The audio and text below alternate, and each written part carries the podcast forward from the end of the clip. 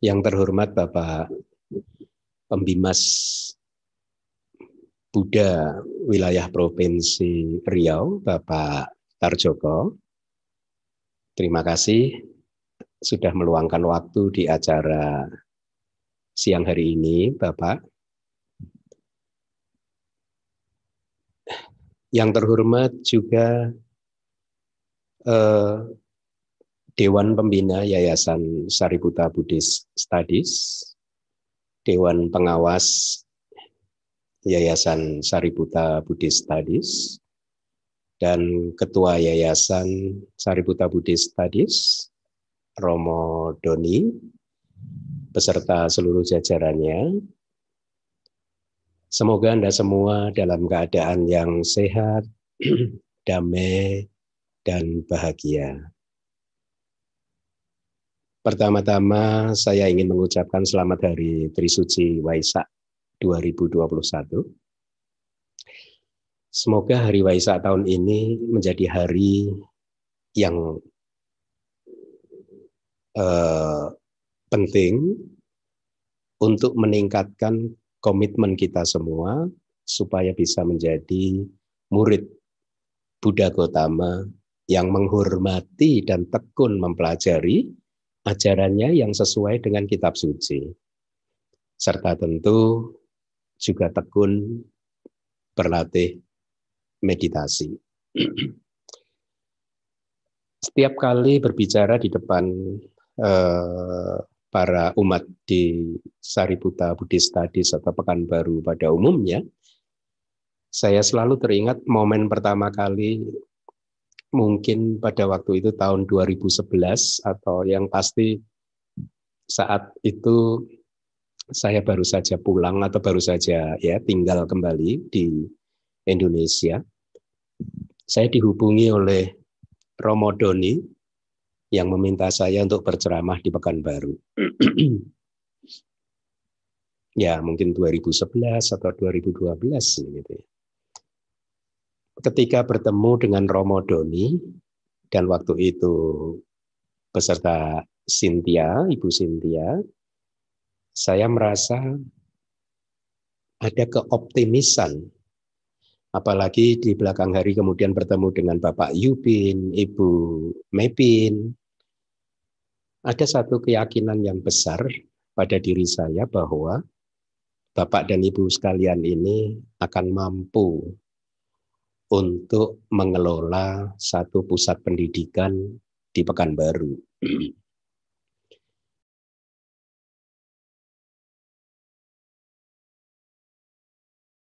Romo Doni dan Bapak Ibu yang lain tersebut tadi untuk mendirikan pusat studi yang kemudian eh, mereka menamakannya sebagai Sariputa Buddhist Studies. Dan keyakinan saya tersebut sepertinya tidak salah, karena kita bisa melihat bersama bahwa sejak dibentuknya sampai hari ini, Sariputa sudah melakukan banyak hal yang bagus sekali, baik sekali. Dulu ketika belum ada pandemi, kita bisa melihat aktivitasnya yang selalu penuh sesak. Artinya sebagai satu tempat Sariputa sudah menyediakan diri tempat sebagai eh, apa hmm, ya menyediakan tempat untuk mempelajari ajaran Buddha khususnya bagi anak-anak sekolah ya melalui program pendidikan sekolah minggunya sampai hari ini dan bahkan saat ini sudah bisa memiliki gedung sendiri dan sedang direnovasi. Untuk menjadi sebuah gedung yang modern. Seperti yang saya sampaikan beberapa kali bahwa bagi saya gedung harus modern. Gedung harus mengikuti perkembangan zaman. Tetapi ajaran Buddha tidak boleh dimodernkan. Saya berprinsip seperti itu. Ajaran Buddha harus tetap kuno. Artinya harus tetap kuno itu harus tetap mengacu kepada kitab suci.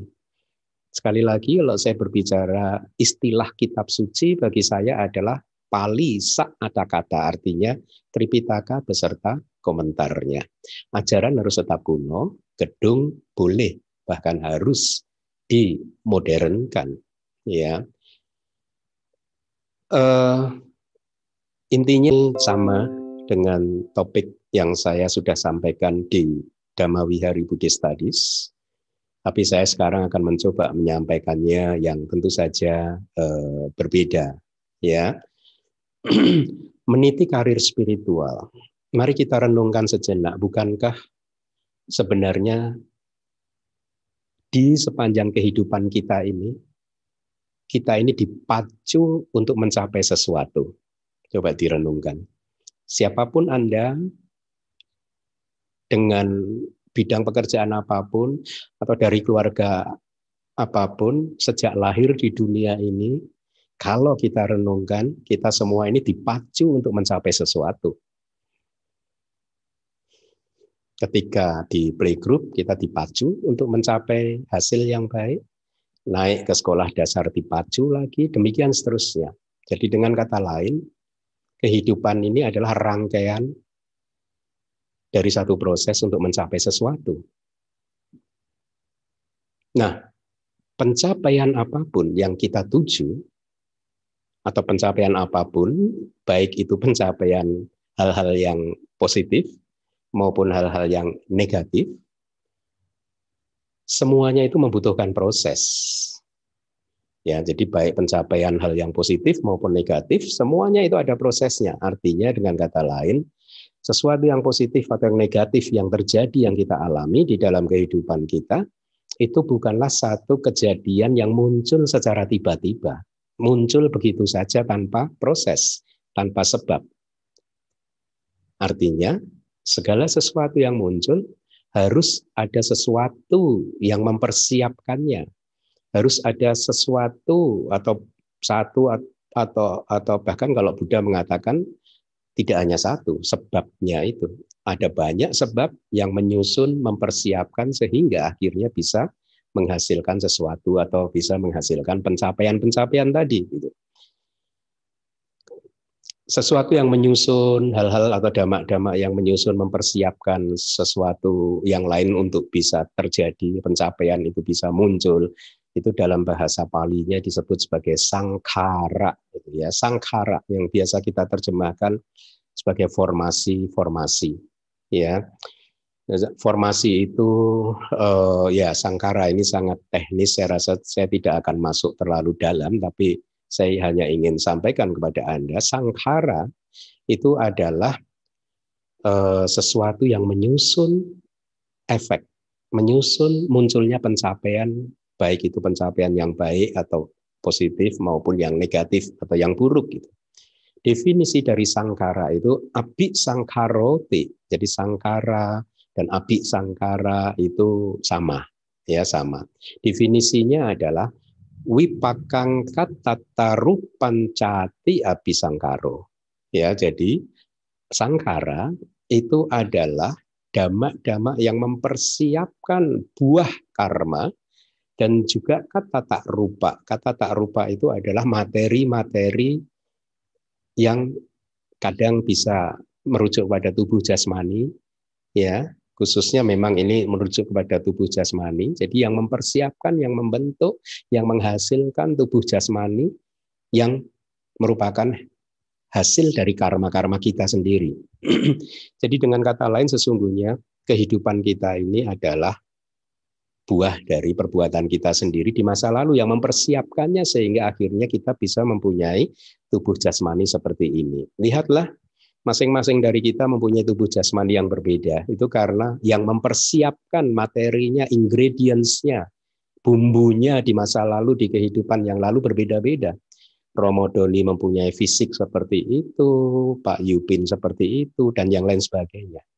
Nah, kenapa saya menyampaikan hal ini? Saya ingin menekankan kepada Anda bahwa segala sesuatu itu membutuhkan proses jadi apa pun yang kita punyai saat ini, baik itu tubuh jasmani, harta kekayaan Anda, rumah Anda, semuanya itu adalah hasil dari sebuah proses.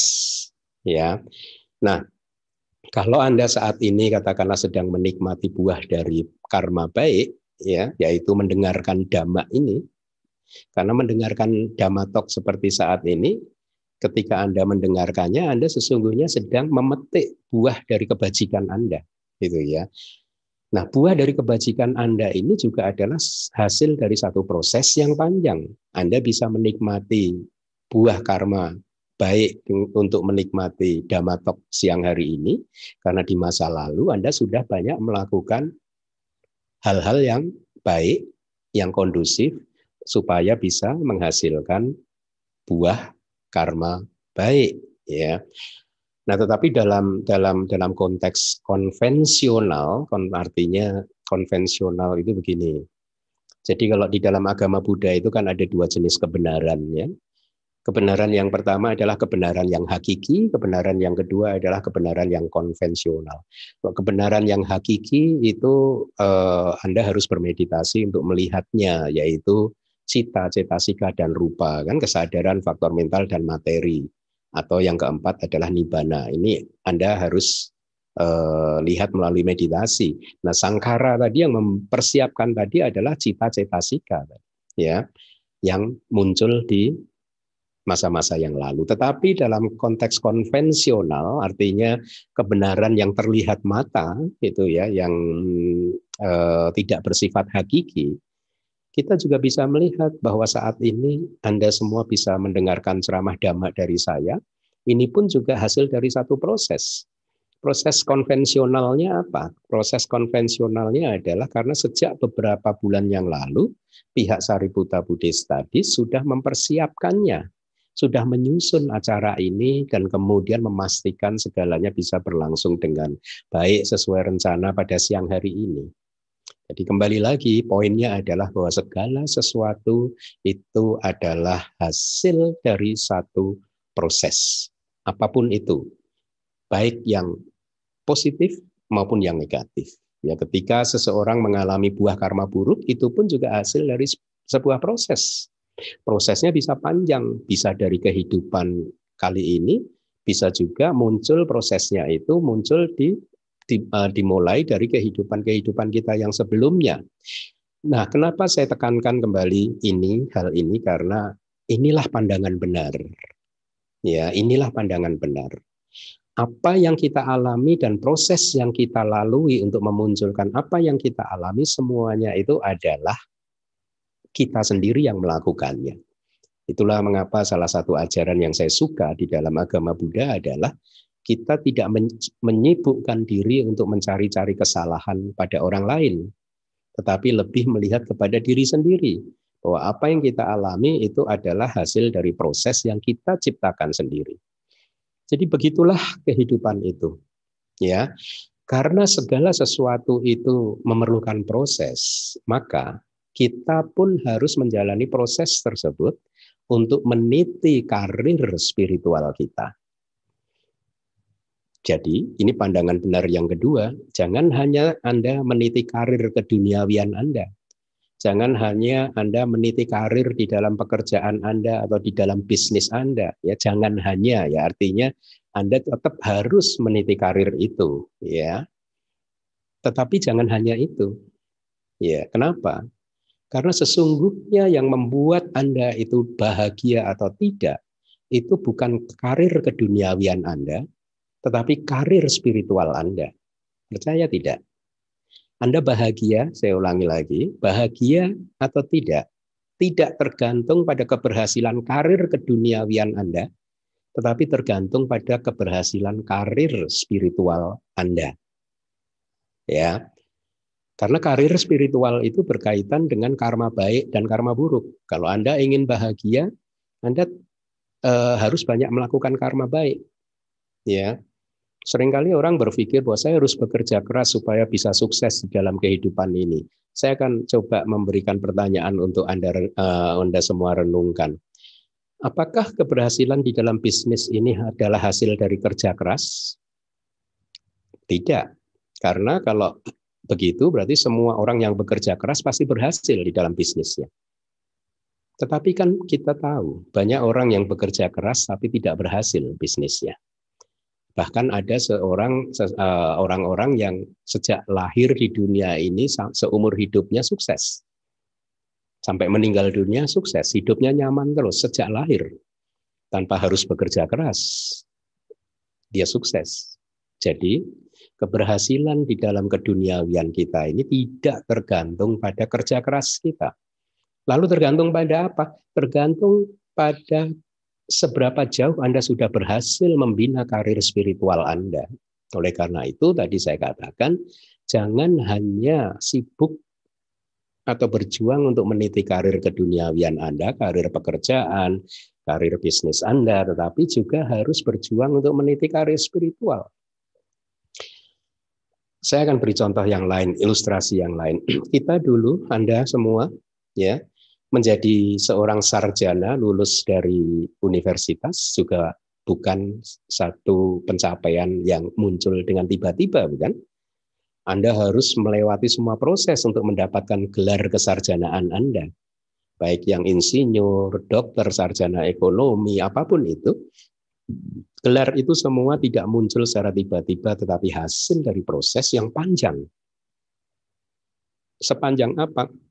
Sepanjang minimal mulai dari TK, taman kanak-kanak atau playgroup istilah zaman sekarang hingga ke universitas Anda tinggal hitung berapa tahun.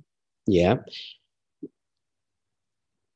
Eh, dengan kata lain, kalau Anda ingin menjadi seorang sarjana tertentu, katakanlah sarjana ekonomi, Anda harus membina diri untuk melalui satu proses yang menuju ke pencapaian gelar sebagai seorang sarjana ekonomi.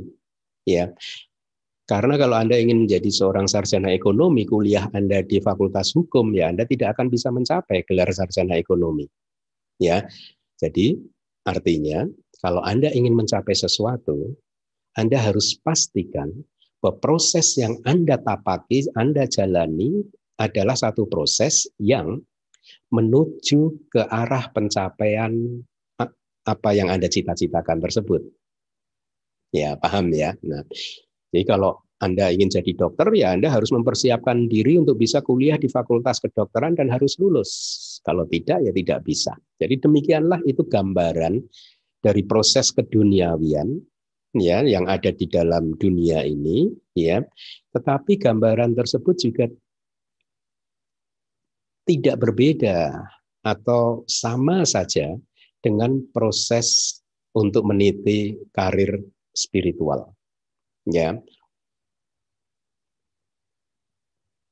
Kenapa dulu kita capek-capek sekolah dari TK, SD, SMP? Kalau kita ingat masa lalu waktu kita sekolah, kita itu sangat kecapean loh sekolah itu penuh dengan beban, penuh dengan mungkin tekanan dan lain sebagainya.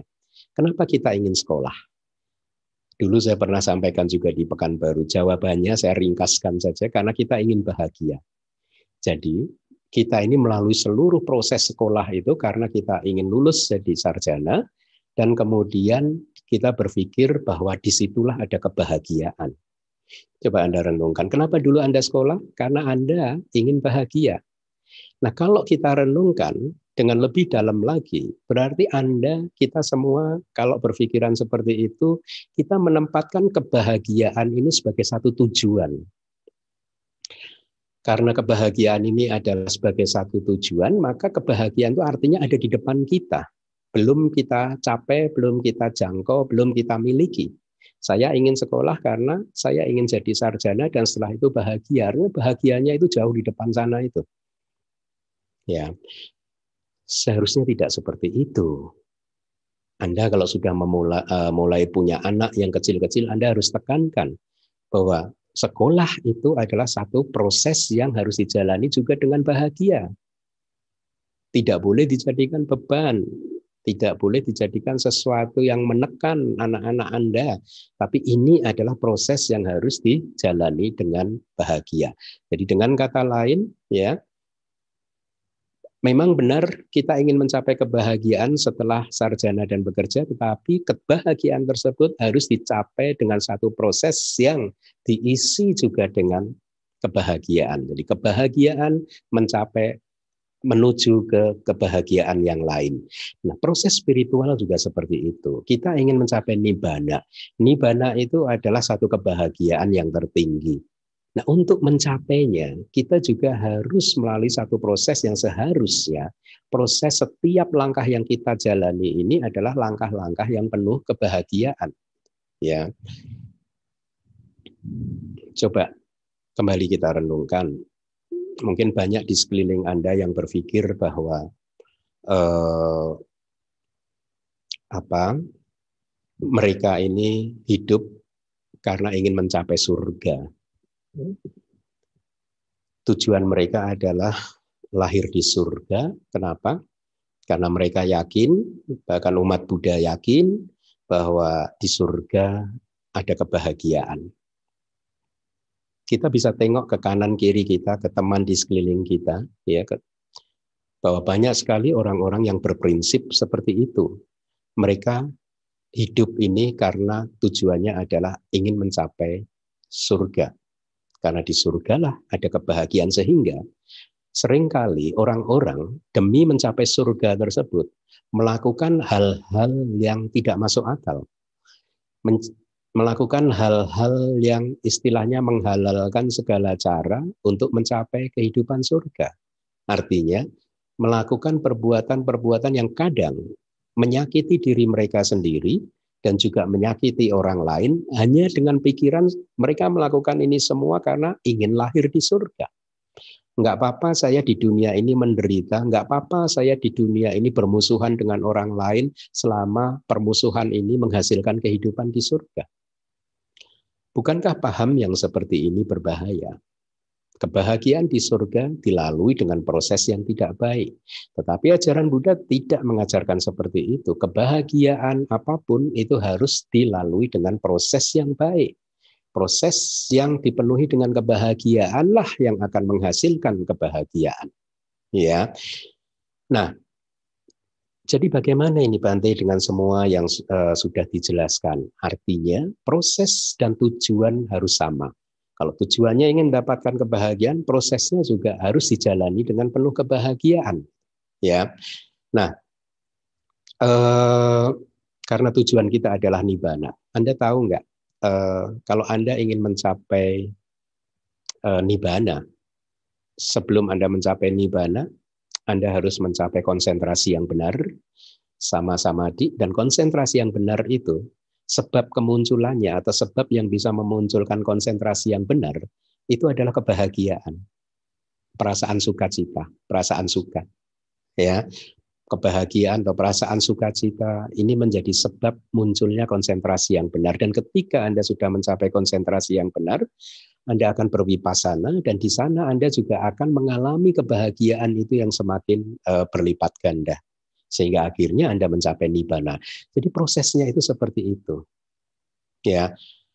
Nah, apakah semua orang bisa mencapai nibbana, Bante? Iya, tidak tidak ya banyak yang tidak bisa tapi bukan berarti tidak ada yang tidak bisa ya lalu kenapa Bante kalau Buddha sudah mengajarkan ajaran untuk mencapai nibbana kok ada juga manusia-manusia yang atau makhluk-makhluk yang eh, tidak bisa mencapainya nah untuk itu Buddha pernah menyampaikan seperti ini kira-kira ini ada di Sutta wahai pangeran demikian kata Buddha saat sedang mengamati dunia dengan menggunakan mata Buddha, kata Buddha ya, aku melihat makhluk-makhluk yang memiliki sedikit debu di matanya. Kalau Indonesia menerjemahkan sedikit debu di mata kan. Sesungguhnya terjemahan kitab komentar yang benar adalah sedikit debu yang merupakan kotoran batin di mata kebijaksanaannya. Ya. Jadi sedikit debu itu sedikit debu kotoran batin. Aku juga melihat banyak debu yang merupakan kotoran batin di mata kebijaksanaan makhluk-makhluk. Aku juga melihat makhluk-makhluk yang memiliki indria-indria yang tajam. Indria-indria yang tajam ini tidak hanya panca indera tetapi juga ada indria batin, ya hati kita. Ya tajam itu artinya cerdas. Ya cerdas, tajam gitu. Tapi ada juga yang indria-indrianya itu tidak tajam. Yang tadi pandai, yang ini tidak pandai. Ada juga makhluk-makhluk yang memiliki watak yang baik, ada juga makhluk-makhluk yang memiliki watak yang tidak baik. Ada juga makhluk yang mudah diakses melalui instruksi, melalui pengajaran. Tapi ada juga makhluk-makhluk yang sulit diakses melalui instruksi. Artinya ada makhluk yang mudah dijangkau oleh ajaran Buddha, tapi ada juga makhluk yang sulit dijangkau oleh ajaran Buddha. Dan Buddha melanjutkan, beberapa dari mereka yang tinggal dengan menyadari kekurangan dunia yang lain sebagai sesuatu yang menakutkan. Ada makhluk yang seperti itu, yang kebijaksanaannya sudah cukup tinggi dan merasa bahwa kehidupan ini adalah sesuatu yang menakutkan. Tapi ada juga yang tidak takut. Kehidupan ini menawarkan kesenangan. Ya, akhirnya mereka lupa untuk melatih diri, ya. Jadi ada yang tidak menyadari kekurangan dari dunia ini, ada yang menyadari bahwa dunia ini penuh dengan kekurangan. Ya, ada yang menyadari bahwa dunia ini menakutkan, ada pula yang menyadari dunia ini tidak menakutkan. Tadi Anda mendengar ada orang-orang yang mudah diakses oleh ajaran, ada yang sulit diakses.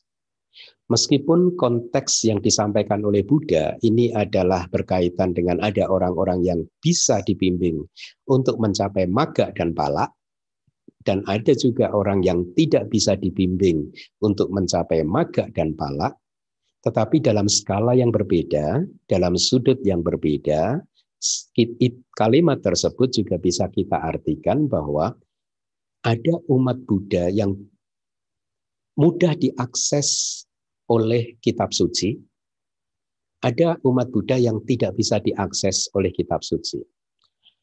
Ada umat Buddha yang mempunyai rasa ketertarikan untuk mempelajari hanya kitab suci. Ya, kalau di DBS saya banyak melihat umat-umat yang mempunyai ketertarikan untuk mendengarkan hanya kitab suci. Sekali lagi, kitab suci itu tidak hanya Tripitaka, tapi Pali Saata Kata, itu definisinya. Pali itu Tripitaka, Saata Kata itu beserta komentarnya. Jadi kitab suci kita itu adalah Tripitaka beserta komentarnya. Ada orang-orang yang mempunyai rasa hormat terhadap kitab suci, ada orang-orang yang tidak mempunyai rasa hormat terhadap kitab suci. Ya, Anda termasuk yang mana? Kalau Anda adalah orang yang memiliki rasa hormat terhadap kitab suci, Pali Saata Kata, maka dalam skala yang berbeda, Anda bisa dikatakan sebagai orang yang mudah diakses oleh kitab suci. Tapi kalau Anda suka mendengarkan ceramah-ceramah yang tidak sesuai dengan kitab suci, ya, Anda suka mendengarkan kan sering kalau di Jakarta saya sampaikan seseorang itu kalau menjadi ingin menjadi dokter ya harus kuliah fakultas kedokteran. Jangan sampai seseorang mau dipanggil dokter tapi sejarah CV-nya masa lalunya tidak pernah kuliah kedokteran. Nah, jangan sampai kalau seseorang atau Anda lebih suka mendengarkan ajaran dari dokter yang nggak pernah kuliah kedokteran, maka bisa jadi Anda adalah termasuk orang yang sulit diakses oleh kitab suci. Ya sulit diakses oleh sulit dijangkau oleh kitab suci karena tidak tertarik dengan kitab suci. Tidak ada rasa ketertarikan kalau anda saat ini sudah lahir sebagai manusia satu kelahiran yang sulit sekali untuk didapatkan karena belum tentu nanti setelah kelahiran kali ini anda atau kita semua ini lahir sebagai manusia lagi ya. Dan saat ini kita sudah mendapatkan kelahiran yang sangat-sangat berharga seperti ini, tetapi kita tidak mempunyai rasa ketertarikan, rasa hormat terhadap pali saata kata atau kitab suci itu tadi, maka kita adalah orang-orang yang merugi, orang-orang yang rugi. Karena kitab suci ajaran sudah ada di depan kita, tapi kita tidak ingin mendengarkannya. Ya. Nah, eh, Ya, tetapi memang dunia ini bermacam-macam, seperti yang tadi dikatakan oleh Buddha.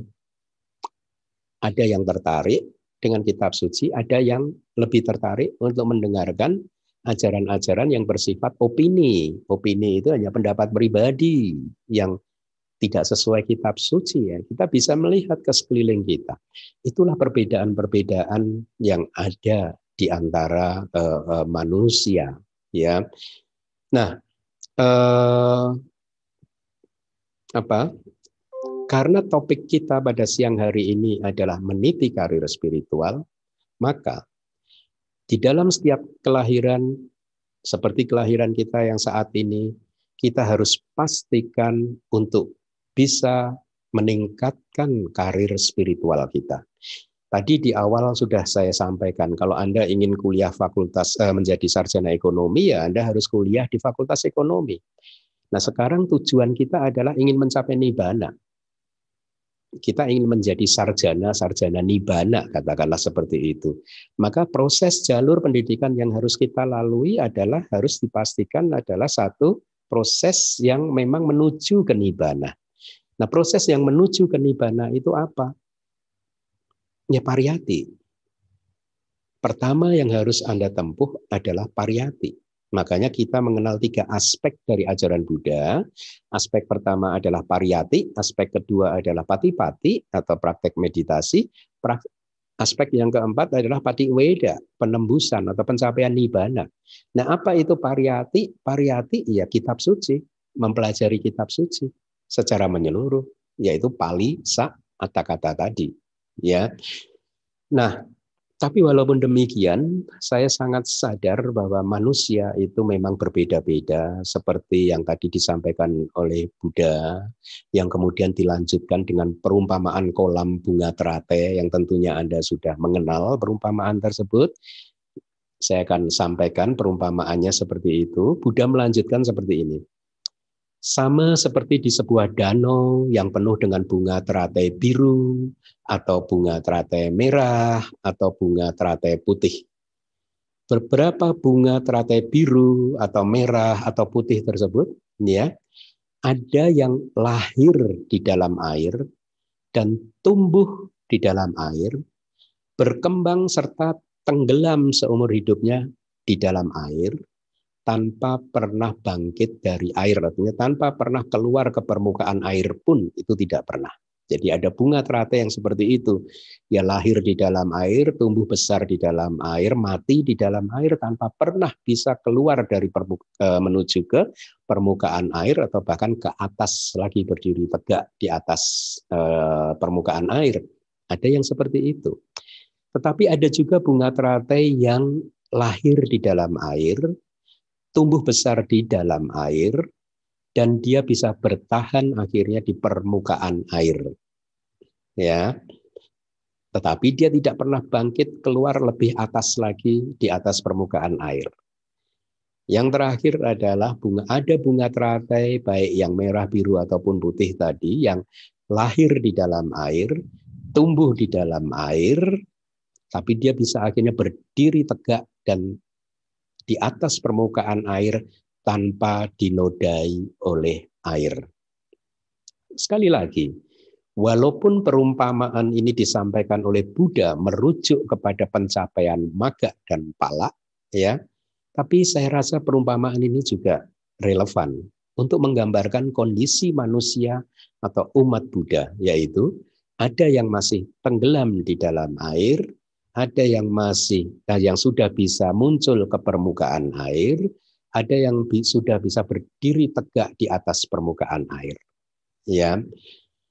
Yang masih tenggelam di dalam air itu adalah mereka-mereka yang masih belum bisa menghormati kitab suci. Jadi ini perumpamaan ini eh, hanya satu penafsiran ya, penafsiran dari saya hanya untuk menggambarkan kondisi perbedaan manusia-manusia uh, yang ada di muka bumi ini gitu ya. Dia masih suka ajaran-ajaran di luar kitab suci, tidak menyukai kitab suci, lebih percaya pada ajaran-ajaran yang tidak sesuai dengan kitab suci, tenggelam dalam pendapat-pendapat pribadi dan seterusnya dan seterusnya. Tapi mereka yang sudah berada di permukaan air, saya ibaratkan seperti mereka sudah menyukai kitab suci, setiap saat membaca dan mendengarkan kitab suci, tekun mendengarkan, tekun membaca, tekun belajar, tetapi belum mendapatkan pemahaman yang sempurna. Sebaliknya, orang jenis yang ketiga yang sudah bisa berdiri di atas permukaan air adalah mereka yang tekun mempelajari kitab suci dan sudah memahaminya dengan baik. Nah, apa pun kondisi kita, siapa pun Anda saat ini, apakah Anda merasa orang yang sudah bisa berdiri di atas permukaan air, atau yang hanya bisa berada di permukaan air saja, atau bahkan mungkin Anda, aduh saya ini orang-orang yang kayaknya masih tenggelam di dalam air, apa pun itu, siapa pun Anda, dari golongan yang pertama, kedua, atau ketiga, yang harus kita lakukan, Anda lakukan tetap sama. Yaitu apa? Anda tetap harus berjuang untuk terus-menerus mengisi kehidupan Anda itu dengan semakin mempunyai memperkuat rasa hormat Anda kepada kitab suci, kepada pariyati, ya. Karena toh untuk mempelajari kitab suci tersebut tidak membutuhkan waktu yang lama, tidak akan menghabiskan waktu Anda. Bahkan mungkin ada sebagian dari Anda yang menghabiskan waktu untuk media sosial, untuk HP, itu lebih banyak dibandingkan waktu untuk mendengarkan ceramah-ceramah kitab suci. Ya. Waktu yang dipakai untuk mempelajari variati tidak banyak, oleh karena itu Anda harus pintar mengatur kehidupan Anda. Karena saat ini pilihan Anda adalah sebagai upasaka dan upasika yang mempunyai banyak tanggung jawab, mempunyai banyak beban untuk membina rumah tangga, membangun bisnis atau bekerja di dalam kantor apa pun itu, banyak tugas, kewajiban dan beban Anda. Walaupun demikian, seperti yang di awal tadi saya katakan, Anda jangan lupa bahwa kebahagiaan Anda tidak ditentukan oleh itu semua, tetapi kebahagiaan Anda ditentukan oleh seberapa bagus Anda sudah meniti karir spiritual Anda. Ya, jadi saya ulangi lagi, kebahagiaan Anda tidak tergantung pada proses keduniawian Anda, tetapi pada proses meniti karir spiritual Anda. Dengan mempelajari pariyati, dengan semakin memperkuat rasa hormat terhadap kitab suci, Anda sudah meniti karir spiritual dengan baik. Ya, sebagai seorang umat perumah tangga yang tidak mempunyai banyak waktu untuk bermeditasi, untuk retret panjang gitu, maka mempelajari kitab suci pun harusnya menjadi sesuatu yang terbaik untuk dilakukan. Kenapa begitu? Satu alasannya, karena mendengarkan ajaran Buddha itu adalah kebajikan yang cukup baik. Kenapa? Karena kitab kita mengatakan bahwa kata-kata Buddha yang Anda dengarkan itu mempunyai kekuatan untuk membawa Anda nantinya keluar dari samsara ini.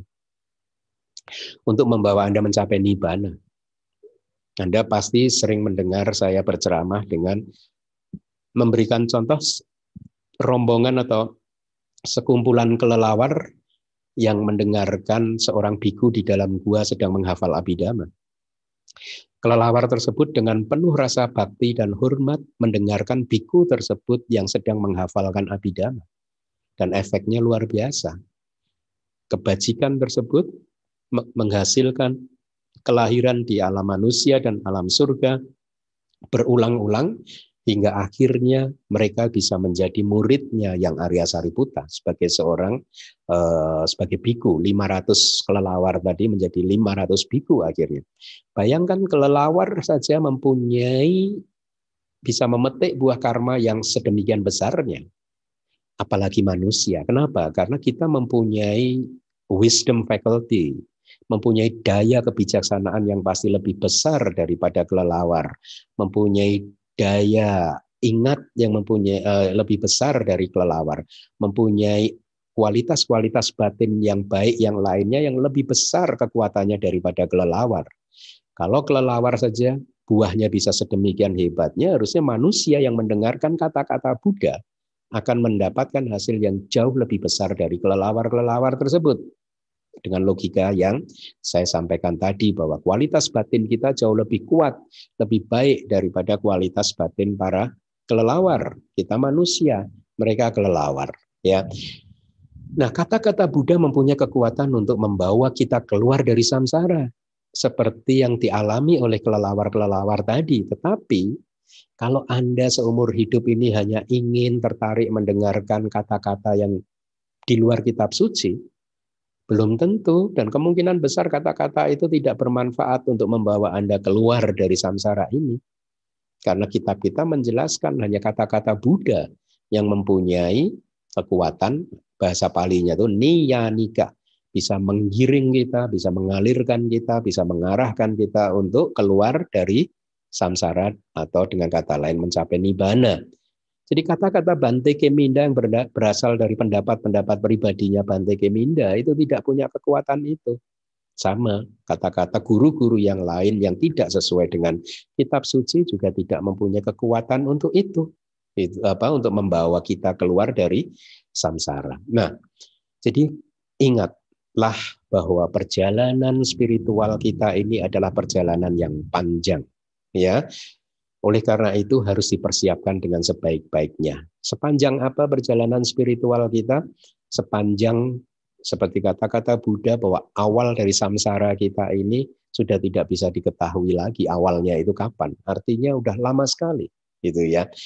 Oleh karena itulah di setiap kehidupan seharusnya karir spiritual kita meningkat kebajikan kita meningkat, kemurahan hatian kita meningkat, praktek moralitas akhlak atau sila kita meningkat ya. Sebaliknya kejahatan perbuatan yang jahat kemarahan kebencian dendam nafsu dan lain sebagainya sudah seharusnya kita lemahkan. Dengan demikian kita meniti karir spiritual kita dengan baik ya. Kalau hal ini bisa dilakukan maka pada akhirnya semoga Anda semua bisa mencapai maga dan pala suatu hari nanti. Nah, pada suatu hari Buddha hendak mengajar Patijak Samupada. Anda tahu kan Patijak Samupada itu sangat sulit sekali. Nanti DBS Dhamma Hari Buddhist Studies akan menerbitkan manual Abhidhamma bab ke-8 itu isinya hanya Patijak Samupada dan Padhana ini topik ajaran Buddha yang sangat detail, sangat kompleks, tapi juga tentu sangat rumit. Ya, pada suatu hari Buddha ingin mengajarkan Patijak Samupada ini kepada seorang pengembara fakir yang bernama Sakulu Dayi. Ya, e, nama ini sangat terkenal. Saya ulangi, Sakulu Dayi S A K U L U D A panjang Y I panjang. Ya, Padahal perumusan dari Paticak Samupada yang akan disampaikan Buddha itu adalah perumusan yang sudah diringkas, yang kata-kata palinya itu adalah begini. Ima semeng sati idang hoti, ima supada idang upajati, ima semeng sati idang na hoti, sa niroda idang nirujati. Itu. Ini ringkasan dari Patijasa Samupada. Artinya adalah ketika ini ada, maka itu ada. Gitu. Oleh karena kemunculan ini, maka itu muncul. Ketika ini tidak ada, maka ini juga tidak ada. Oleh karena pemberhentiannya ini atau oleh karena ini sudah berhenti, maka itu juga berhenti. Ini hubungan sebab dan akibat yang sederhana saja. Ya, jadi Buddha sebenarnya ingin menyampaikan ringkasan yang sangat-sangat ringkas seperti itu. Tetapi Sakulu Dayi itu terkenal sebagai seseorang yang kurang cerdas, ya. Uh, sehingga uh, sebenarnya Buddha mengetahui bahwa Sakulu Dayi tidak akan bisa memahami ajaran tersebut. Tetapi beliau tetap memutuskan untuk mengajarkannya. Kenapa? Alasannya begini yang pertama, ini dari kitab komentar ya. Ketika Sakuludaya mendengarkan, maka apa yang dia dengarkan tadi itu akan menjadi kalimat palinya seperti ini. Anagate panasa wasanaya bacayo bawisati. Saya ulangi lagi, anagate panasa wasanaya pacayo bawisati. Artinya, apa yang didengarkan oleh sakulu dayi tadi ima semeng sati idang hoti. Ima supada idang upajati. Ima semeng sati idang nak hoti. Ima sa niroda idang nirujati. Jadi yang didengarkan ini atau yang Anda juga mendengarkannya dari saya itu kata kitab komentar akan menjadi sebuah kondisi. Sebuah kondisi itu adalah sebuah sebab sebuah alasan ya untuk satu kesan yang tertinggal di dalam pikiran dia di kehidupan yang akan datang. Saya ulangi lagi, apa yang Anda dengarkan ini tadi katakanlah begitu ya atau apa yang didengarkan Sakuludayi tadi yang juga Anda dengarkan saat ini baru saja itu akan menjadi sebuah sebab kondisi, alasan, ya, untuk kemunculan sebuah kesan atau untuk memori yang tertinggal di dalam pikiran Anda di kehidupan yang akan datang. Demikian kata kitab komentar. Jadi karena apabila Anda mendengarkan pariyati terus, maka di dalam memori Anda itu banyak tersimpan kata-kata Buddha. Sehingga di kehidupan yang akan datang itu akan memunculkan satu kesan ya dan tiba-tiba Anda akan teringat ajaran Buddha tersebut dan Anda akan masuk lagi ke jalur ajaran Buddha. Kira-kira seperti itu penjelasannya.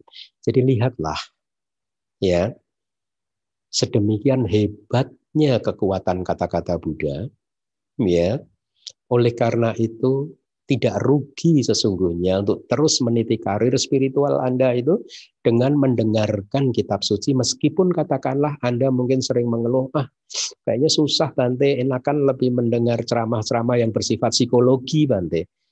Yang bisa ketawa bisa ini bisa itu. Tetapi coba Anda ingat-ingat. Pertimbangkan bukankah manfaat mendengarkan kata-kata Buddha itu adalah manfaat yang kita idam-idamkan. Karena kita ingin mencapai nibbana. Nah, itulah mengapa meniti karir spiritual adalah mengisinya dengan pariyati. Saya berbicara seperti ini karena saya berbicara kepada upasaka dan upasika ya yang kehidupannya sudah mempunyai kesibukan nya sendiri. Oleh karena itu, mempelajari pariyati, mempelajari kitab suci, itu harusnya menjadi satu jadwal di dalam satu minggu, eh, hari-hari yang Anda lalui di dalam satu minggu. Anda harus tentukan jadwal. Kalau Anda mempunyai waktu hanya dua jam saja satu minggu, nggak apa-apa. Tentukan dua jam di hari minggu mendengarkan ceramah pariyati sasana. Karena pariyati sasana di Damawi Hari Buddhist Studies itu didesain untuk menyampaikan kata-kata Buddha. Ya hanya kata-kata Buddha yang kita berusaha semaksimal mungkin ya hanya kata-kata Buddha yang kita sampaikan. Nah, jadi kembali lagi dengan mendengarkan kata-kata Buddha, maka kata-kata itu akan tertinggal di pikiran Anda di kehidupan yang berikutnya juga, ya. Kalau Anda mendengar kata-kata di luar kitab suci, maka itulah yang akan tertinggal di kehidupan kehidupan kapan pun. Anda mau seperti itu. Belum tentu bermanfaat loh itu untuk membawa Anda keluar dari samsara ini. Ya. Nah, lalu apa sih sebenarnya kesimpulan atau yang bisa disimpulkan dari apa yang sudah saya sampaikan dari awal tadi? Pertama, meniti karir spiritual adalah sebuah proses yang panjang yang harus dijalani ya dengan hati bahagia ya dengan perasaan sukacita. Untuk itu kita membutuhkan ilmu seperti kita dulu sekolah pun kita menuntut ilmu. Di dalam meniti karir spiritual kita pun juga harus menuntut ilmu. Nah, ilmunya itu ada di kitab suci. Ya, Anda harus mempelajari kitab suci, ya. Saat ini mungkin Anda ada yang masih di level playgroup, SD, SMP, university apa pun level Anda, Anda tetap harus mengeratkan hubungan Anda, rasa hormat Anda terhadap kitab suci, ya. Nah, Uh, seperti dulu kita waktu belajar, kita menghormati guru-guru kita, maka sekarang pun juga kita harus menghormati guru-guru kita, yaitu siapa? Buddha Gotama. Tetapi Buddha Gotama tidak meneruskan guru penerusnya, yang uh, tidak menunjuk uh, figur guru yang menggantikan beliau. Yang beliau tunjuk adalah Dhamma dan Winaya. Dhamma dan Winaya itu adalah kitab suci. Jadi kitab suci saat ini adalah guru kita.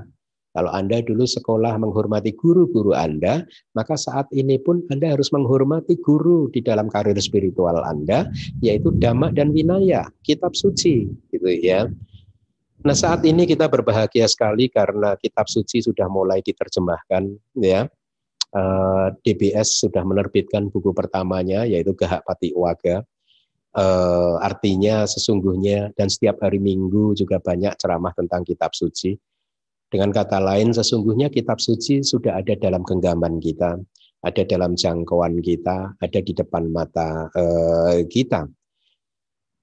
Jangan sampai menyia-nyiakan kesempatan yang berharga karena kitab suci yang sudah ada di depan mata ini harus kita manfaatkan demi perkembangan karir spiritual kita. Jangan seperti cerita tentang seorang upasaka yang bernama Upaka. Ya, jadi ceritanya begini. Ketika Buddha Gotama baru saja mencapai penerangan sempurna, dalam perjalanan beliau untuk menemui panca wagia biku, ya lima biku yang eh, apa di tengah perjalanan Buddha bertemu dengan seorang pengembara yang bernama Upaka. Nah, Upaka ini sesungguhnya kagum pada penampilan fisik dari Buddha Gotama ketika berpapasan di tengah jalan. Beliau melihat Buddha ini sangat apa kulitnya sangat bersih gitu ya. Indria-indrianya Buddha itu sangat terang benderang, ya artinya panca indrianya uh, juga termasuk uh, ya kulitnya itu sebelumnya ya. Itu sangat jernih terang benderang gitu. Lalu karena kagum dengan melihat kalau orang modern mungkin menyebutnya auranya Buddha, meskipun kitab kita tidak menyebut sebagai itu ya. Si pengembara yang bernama Upaka ini bertanya, Hai, Anda ini dari ajaran mana? Anda ini muridnya siapa? Guru Anda siapa? Kemudian Buddha menjelaskan dengan sangat jujur, kira-kira seperti ini. Aku adalah seorang penakluk dari semua dhamma di tiga tingkatan. Aku adalah orang yang mengetahui semua dhamma di empat tingkatan. Aku adalah orang yang tidak tercemar di dalam semua dhamma di dalam tiga tingkatan. Aku telah meninggalkan semua dhamma di tiga tingkatan. Aku telah membebaskan diri melalui kehancuran nafsu, nafsu kehausan atau tanha.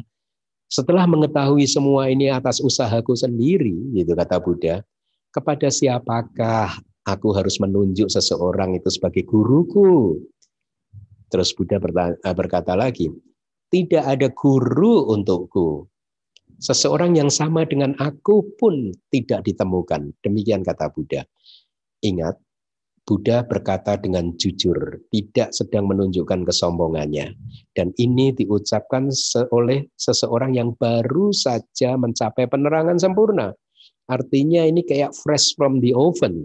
Baru saja ini tercerahkan ya seharusnya upaka bereaksi secara positif. Tetapi cerita ternyata tidak seperti itu. Upaka bereaksi secara negatif, ada ketidakpercayaan, dia berkata sambil menggelengkan kepala, ya, semoga begitu wahai teman, semoga begitu wahai teman. Demikian dia menjawab, lalu dia berlalu dan mengambil jalan yang salah. Lihat, dia berhadapan dengan seorang sama Sang Buddha yang baru saja eh, apa mencapai penerangan sempurna dan baru saja mengucapkan kata-kata yang jujur, tapi kata-kata itu tidak dipercayai oleh upaka. Ini juga cerita yang bagus, yang menggambarkan kondisi kita. Bisa jadi kita adalah upaka di zaman yang modern ini. Apa Anda ingin menjadi upaka di zaman modern ini? Kitab suci sudah ada di depan Anda. Saya sudah sering menyampaikan ini kata-kata Buddha, ini kata-kata Buddha. Kalau Anda masih berlalu sambil menggeleng-gelengkan kepala, maka bisa jadi Anda adalah upaka di zaman modern ini. Ya, Tentu saja kita tidak ingin menjadi orang yang seperti itu, ya. Oleh karena itu, mengisi karir spiritual itu adalah dengan terus meningkatkan rasa hormat kepada kitab suci. Dan tidak hanya berhenti di sana, kita mulai tertarik untuk mendengarkan kitab suci karena kita tahu manfaatnya yang besar sekali seperti yang sudah saya sampaikan tadi, ya. Dan ternyata untuk mempelajari kitab suci untuk mengisi karir spiritual kita supaya meningkat itu tidak menghabiskan waktu yang lama ya dan lagi apabila Anda mempunyai waktu luang, waktu senggang, ada baiknya kalau Anda mengikuti retret-retret yang cukup panjang, misalkan 10 hari, maka dengan demikian karir spiritual Anda meningkat. Anda tidak menyia-nyiakan kelahiran sebagai manusia kali ini yang sulit untuk didapatkan. Permasalahan berbeda kalau kitab suci tidak ada di depan mata Anda. Sekarang kitab suci ada di depan mata Anda. Setiap hari Minggu kitab suci itu disampaikan. Pilih, pilihan ada di tangan Anda. Anda ingin menjadi upaka atau tidak. Tetapi tentu saja ya. Karena kita, Anda semua saya yakin mempunyai kebijaksanaan, Anda tidak akan menjadi upaka di zaman modern ini.